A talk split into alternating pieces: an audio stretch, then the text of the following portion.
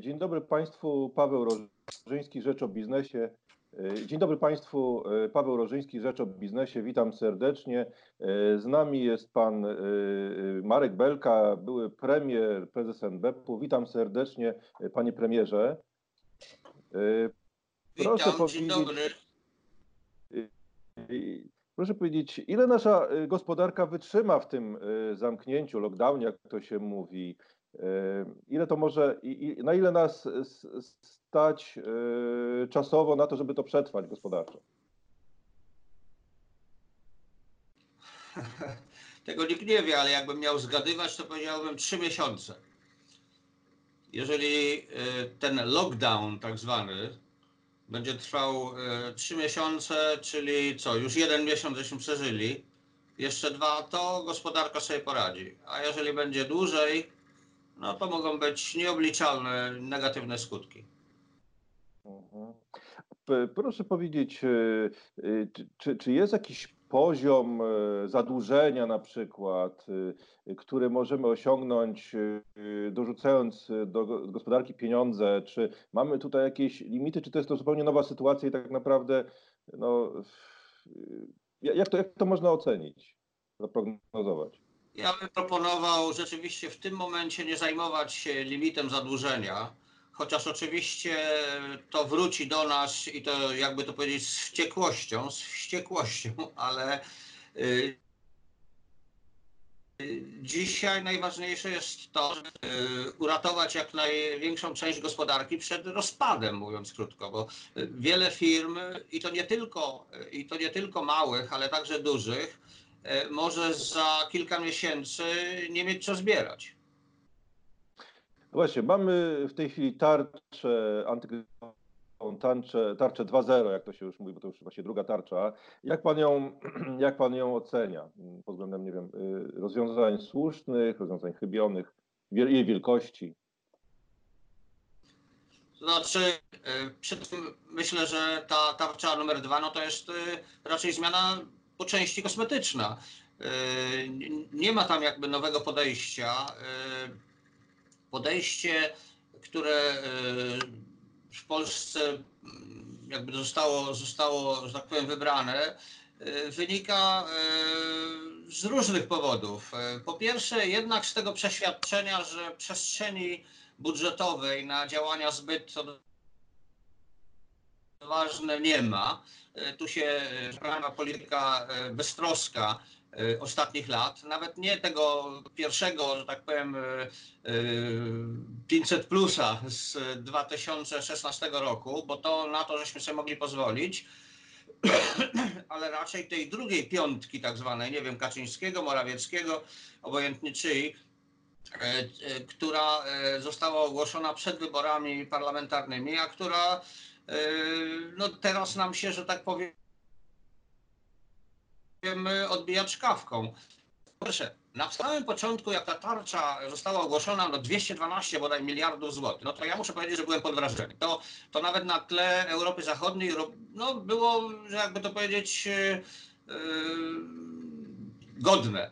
E, tylko, że potem się okazuje, że po pierwsze ta, e, te, te, te, te miliardy to są po części wirtualne. Zresztą, jakby to powiedzieć, rozumiem. E, a po drugie powstaje pytanie, czy one zostaną odpowiednio szybko i dobrze wycelowane.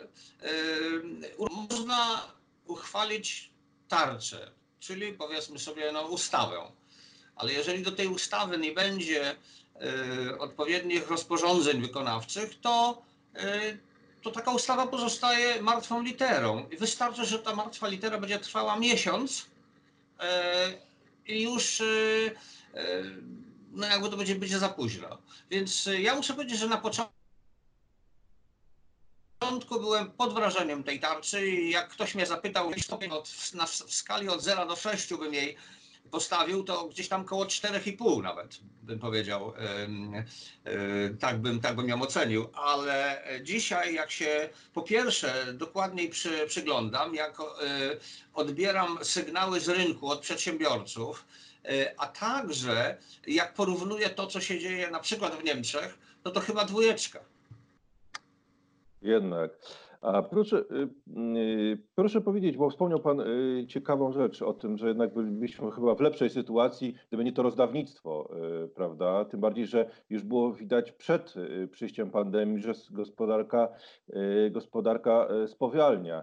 Czy w związku z tym, jeżeli ktoś zapyta, czy byliśmy przygotowani na, na przyjście kryzysu, co by Pan odpowiedział? Znaczy w tym sensie, że weszliśmy w kryzys jako gospodarka szybko rosnąca, e, no to na pewno byliśmy w lepszej sytuacji niż kraje, gdzie wzrost gospodarczy był bliski zeru. E, bliski zera. Natomiast e, czego żeśmy nie uczynili, to w okresie dobrej koniunktury, a mimo zwolnienia, spowolnienia w ostatnim czasie, to polska gospodarka całkiem e, szybko rosła. Tutaj e, nie możemy spodziewać się, żeby polska gospodarka z e, takimi, powiedzmy sobie, warunkami demograficznymi i słabą skłonnością do inwestowania rosła w tempie 5% bez, bez ograniczeń w okresie dobrej koniunktury, no i tutaj nam się trochę znów wracamy do tego tak znienawidzonego Balcerowicza, że wtedy należy, wtedy należy tworzyć zapasy. Te zapasy zostały przejedzone dokładnie. I, no i dzisiaj w związku z tym podejrzewam, że ludzie w Ministerstwie Finansów no, liczą każdy grosz. Nie tylko w Ministerstwie Finansów, ale także w Ministerstwie Rozwoju. Kiedy akurat liczyć tego każdego grosza się nie powinno. Y, panie profesorze, jak pan, y, jak pan ocenia, mm, jak głęboka może być recesja w Polsce? Y, no bo to, że będzie, no to, to chyba nie podlega już większej dyskusji. Jak pan ocenia? Wszystko to zależy od tego, jak długo będzie trwał ten, to zatrzymanie, ten lockdown tak zwany. E, jeżeli e, patrzeć na, mm, na, oficjalne prognozy tych, tych instytucji, które się tym zajmują, ja muszę powiedzieć, że aż mi dlatego że e, dzisiaj prognozować jest niezmiernie trudno, właściwie niemożliwe, ale większość prognoz najnowszych mówi o tym, że polska gospodarka powinna w, może w tym roku no, obniżyć o jakieś nawet do 5%, e, co i tak będzie mniej niż większość krajów e, europejskich. Ale to e, charakterystyczne, że,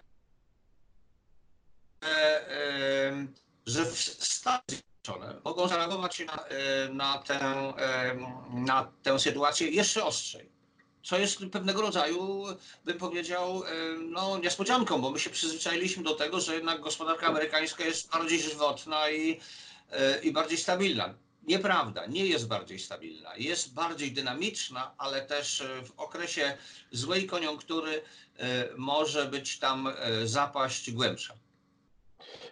Panie, panie premierze, ale jak Pana zdaniem będzie wyglądało wychodzenie y, z tego kryzysu, czy to będzie gwałtowne odbicie, kiedy ta epidemia wygaśnie, że zostanie, y, zostanie zwalczona, czy to raczej będzie bardzo wolne i żmudne odbudowywanie? Czym dłuższy lockdown, tym bardziej, tym trudniej będzie się odbić. Ja, pan zdaje się na początku zadał mi takie pytanie. Jeżeli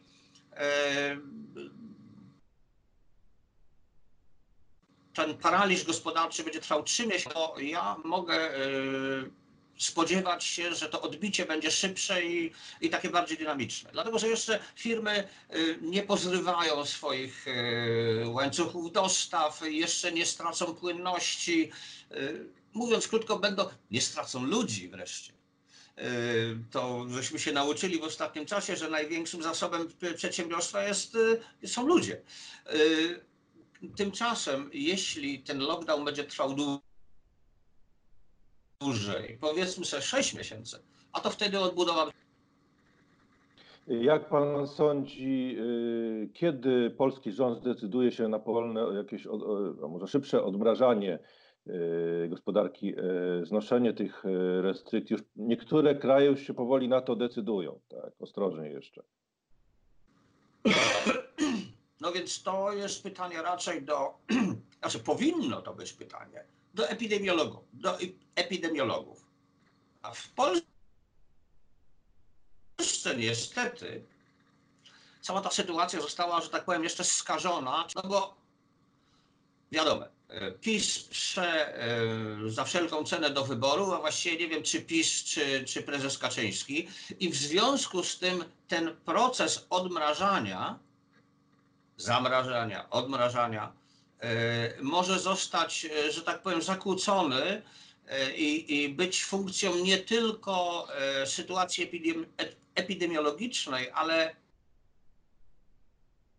także ale także mm, no, potrzeb, w cudzysłowie, politycznych.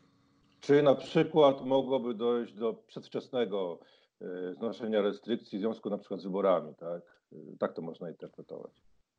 Mogło. Mo, mo, można się także e, spodziewać takiej sytuacji, z tym, że ja myślę, że po prostu no, obserwując oczywiście to, co się dzieje w polityce,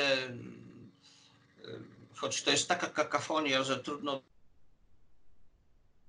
cokolwiek się, że tak powiem, z tego wywnioskować. Otóż no, można się spodziewać y, działań jakichś chaotycznych, wcześniejszych, wcześniejszego odrażania niż trzeba. Ale z drugiej strony ja widzę, że jednak istnieje determinacja ze strony ministra zdrowia powiedzmy tutaj spersonalizujmy to w ten sposób, e, żeby jednak e, no, testowanie powiedzmy, żeby, żeby, no, żeby działać tak jak trzeba. Ja muszę powiedzieć e, tak, skoro już rozmawiamy, dotychczas nikt z moich znajomych nie został poważnie dotknięty tym, tym koronawirusem. Wczoraj dostałem wiadomość e, z Nowego Jorku, że człowiek, który był mi bardzo bliski, przyjaciel, e, kilkanaście lat ode mnie starszy, właśnie wczoraj umarł e, w związku z wirusem. I muszę powiedzieć, że od tego momentu ta rzecz tak zupełnie osobiście. Ja na ten temat nie jestem w stanie już rozmawiać, powiedzmy sobie, tylko w kategoriach politycznych czy gospodarczych, ale ludzkich. I oby w Polsce było tego jak najmniej. E, panie, panie premierze, tak? E, panie premierze, czy mm, jak gdyby pan był w tej chwili, gdyby był pan e, na czele rządu, może pan powiedzieć, jakie pan podjąłby działania, jak ten lockdown by wyglądał? Czy ma pan jakieś rady dla tego rządu? Jak to wychodzenie z lockdownu miał, miałoby wyglądać? Wie pan, gdybym był dzisiaj premierem, ładnie to brzmi, prawda? No ale ja jestem, ja mam prawo tak mówić, prawda? Otóż gdybym był premierem, to bym natychmiast wystąpił publicznie i powiedział tak. Proszę Państwa, nie ma mowy o wyborach parlamentarnych w najbliż, y, prezydenckich w najbliższym.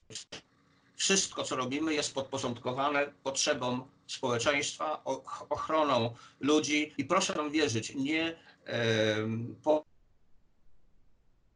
powodują nami, nami żadne inne motywy. W ten sposób zaczniemy, albo powiedzmy sobie, no, dokona się przełom w, w postrzeganiu tego, co się, co się w Polsce robi. A robi się sporo i nie mogę powiedzieć, że przecież y, nie staramy się jako państwo. Y, po drugie, trzeba powiedzieć tak, jesteśmy y, w sytuacji, gdzie wszystkie ręce na pokład potrzebne są. I, i to jeszcze w, powiedzmy sobie, w za, atmosfera zaufania. Czym się atmosferę zaufania buduje? No więc pierwsze, tym oświadczeniem, które powiedziałem. Po drugie, siadamy z y, przedsiębiorcami, ze związkami zawodowymi i punkt po punkcie za, zastanawiamy się, jak te tarcze antykryzysowe uzupełniać, dlatego że to, że w życiu popełniliśmy błędy, coś takiego, to jest normalne. W momencie, w którym odpolityzujemy całą sprawę, dajemy wiarę, że wszyscy działamy w najlepszym interesie kraju i dajemy sobie wzajemnie prawo do popełniania błędów. To jest, to jest najważniejsze, dlatego że ja się do epidemiologów nie będę wtrącał. Oni powinni wiedzieć najlepiej, co robić.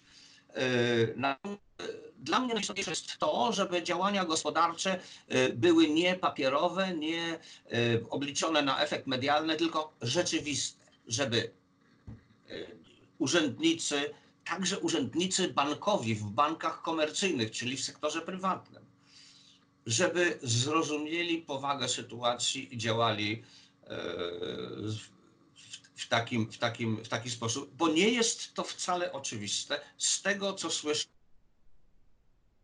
z gospodarki. Przedsiębiorcy tymczasem e, narzekają, e, że ta tarcza jest niewystarczająca.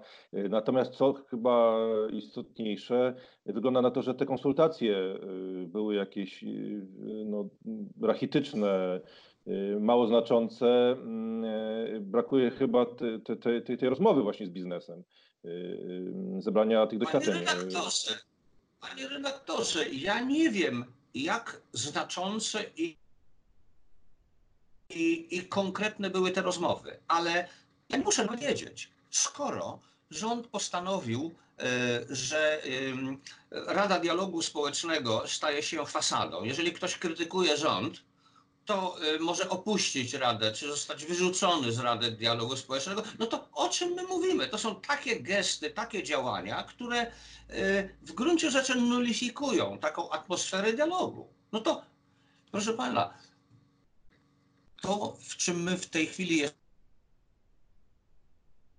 to nie jest tylko operacja operacja gospodarcza, ale także operacja polityczna. Trzeba się pozbyć dotychczasowych negatywnych przyzwyczajeń, braku dialogu, yy, nie wiem, wszystko, wszystko wiemy. No i oczywiście tej politycznej nakładki na to wszystko.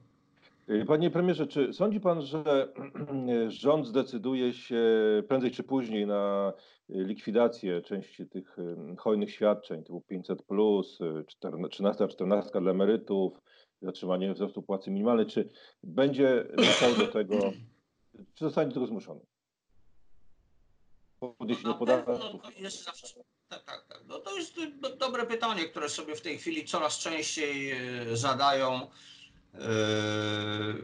posłowie i to z różnych, e, tak, tak przynajmniej słyszymy, e, i to z różnych partii. I ja uważam, że w, tym, w tej sytuacji, jaka jest dzisiaj, to nie powinniśmy tego poruszać. Dlatego, że dzisiaj e, likwidacja jakichkolwiek z tych, z tych systemów, chociażby do tego 500, e, oznacza, że wielu ludzi, e, którzy, e, dla których e, te świadczenia stanowią bardzo ważną, bardzo, bardzo ważne źródło dochodu, właściwie chroniące ich przez, przed skrajnym ubóstwem, w sytuacji, kiedy na rynku pracy, można powiedzieć, z dnia na dzień sytuacja się zmieniła.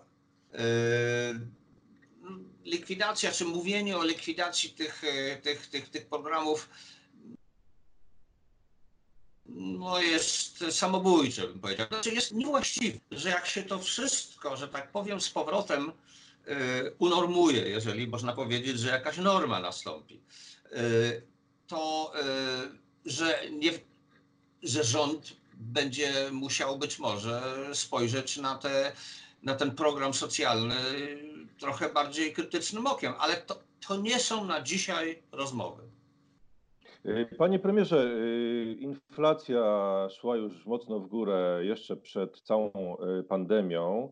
Y, było ponad 4% w skali roku. Czy koronawirus powoduje dalszy gwałtowny skok cen, czy raczej ich wytłumienie? Właśnie to jest, to jest zagadka. To jest zagadka. Tak naprawdę to znów ciekaw jestem, co progności z e, Narodowego Banku Polskiego e, w tej chwili, e, jakby to powiedzieć, z siebie, że tak powiem, wydobywają. Znaczy, w kryzysie ceny na ogół nie rosną, tylko spadają. Płace niewątpliwie zostaną zahamowane, zresztą myślę, że konsumpcja zahamuje, więc można się raczej spodziewać zahamowania inflacji. Ale to jest taki typ zahamowania inflacji, z którego ja bym się w ogóle najmniej cieszył. Dokładnie. Panie, panie premierze, a jak pan w, ty, w tym kontekście, kontekście koronawirusa ocenia w ogóle działania banku centralnego, który no, ściął stopy jednak niedawno? To w ogóle Jeszcze raz, dało? bo trochę Co, y, Jak pan ocenia w kontekście właśnie koronawirusa działania banku centralnego, który niedawno też ściął stopy trochę? To znaczy, wie pan, ja e, chciałbym wszystkim przypomnieć, że nigdzie w Konstytucji nie ma zakazu kupowania przez Narodowy Bank Polski papierów wartościowych, rządowych papierów wartościowych na rynku wtórnym. Nie ma takiego zakazu. I w związku z tym to, co E, rozpoczął NBP, e, nie jest żadnym łamaniem konstytucji, żadnym łamaniem e, ustaw. Jest pytanie, czy to jest najbardziej potrzebne dzisiaj w polskiej gospodarce? To może być potrzebne, bo banki mogą zacząć odczuwać brak płynności. Natomiast przepraszam, jesteśmy. E, otóż e, braki mogą, e, znaczy banki mogą odczuwać brak płynności. Ja bym patrzył na NBP z jednego punktu widzenia przede wszystkim. Mianowicie z tego, że mm, mm, bank centralny powinien stać tyłu jakby całego procesu dostarczania płynności dla przedsiębiorstw. Innymi słowy, y, dzisiaj jedną z najważniejszych rzeczy, kluczowych, to jest to, aby duże i średnie przedsiębiorstwa nie upadały przez brak płynności. Państwo musi na siebie brać y, część ryzyka, może nawet znaczącą część ryzyka. Zresztą y, tak się, tak się dzieje. Można to robić przez BGK, można to robić przez, przez banki komercyjne, ale z tyłu musi stać państwo. Tym, państw, znaczy tym instytucją państwowym może być NBP. NBP w pierwszej swojej, że tak powiem, odsłonie tej, tej, tej postkoronawirusowej powiedział o uruchomieniu kredytu wekslowego. Jeżeli to się uda, no to ja jestem w takim razie wtedy za, pełen uznania. Tylko jest pytanie, czy NBP potrafi to robić? Idą ciężkie czasy dla złotego, panie premierze? Y, no wie pan, jeżeli by się okazało, że y, będziemy, mm, że tak powiem, musieli dostarczać y, płynności, czyli jak to się potocznie mówi, a niesłusznie, drukować pieniądze, no to wtedy na pewno nasz polski złoty jako waluta mniejsza jest bardziej Y, narażona na tego rodzaju niebezpieczeństwa niż powiedzmy sobie euro. Z tego punktu widzenia dzisiaj, gdybyśmy byli w strefie euro, to ja bym się wtedy mniej obawiał tego, tego tych, tych, tych niekonwencjonalnych metod. Dlatego, że po prostu, nie dlatego, że NBP tego nie potrafi, tylko że jesteśmy stosunkowo małą walutą, że tak powiem, małym obszarem walutowym, złotowym i, i w związku z tym e, e, no, jak za, za, za daleko pojedziemy, to wtedy złotówka może się osłabiać. Chociaż trzeba powiedzieć, że jak na razie złote zachowuje się e, no, dość, dość przyzwoicie. To znaczy, najpierw się bardzo osłabił, y, to jest aż tam chyba o jakieś 8%, y, może 9%, ale w tej chwili powoli, powoli się stabilizuje, odrabia straty. No, nie ma dramatu jak na razie. Dziękuję bardzo za rozmowę. Moim gościem był pan Marek Berka, były premier i prezes NBP. Dziękuję za rozmowę, panie premierze. Dziękuję bardzo.